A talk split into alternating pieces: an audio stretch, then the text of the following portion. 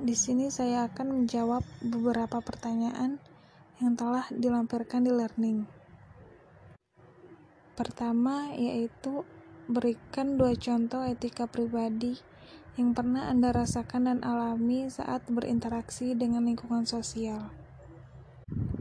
Jawabannya yang pertama yaitu tidak meremehkan dan menghina orang lain. Dua, berani mengakui kesalahan yang diperbuat dan meminta maaf kepada orang lain. Soal kedua, apa yang Anda pahami tentang pencitraan dalam praktek?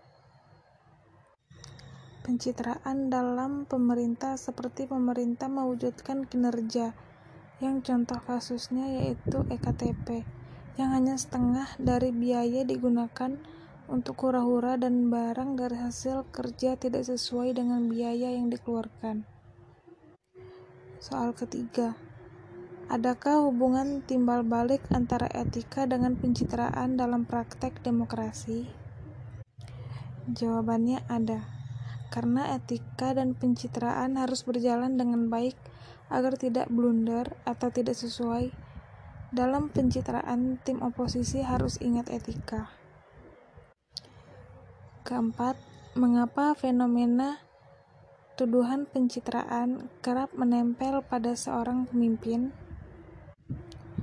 Karena pemimpin akan terus dapat citra dan perhatian publik. Publik pun bisa menilai kinerja dan pemimpin apakah sesuai dengan realita atau tidak. Kelima, apakah pencitraan selalu bermakna negatif? Jelaskan.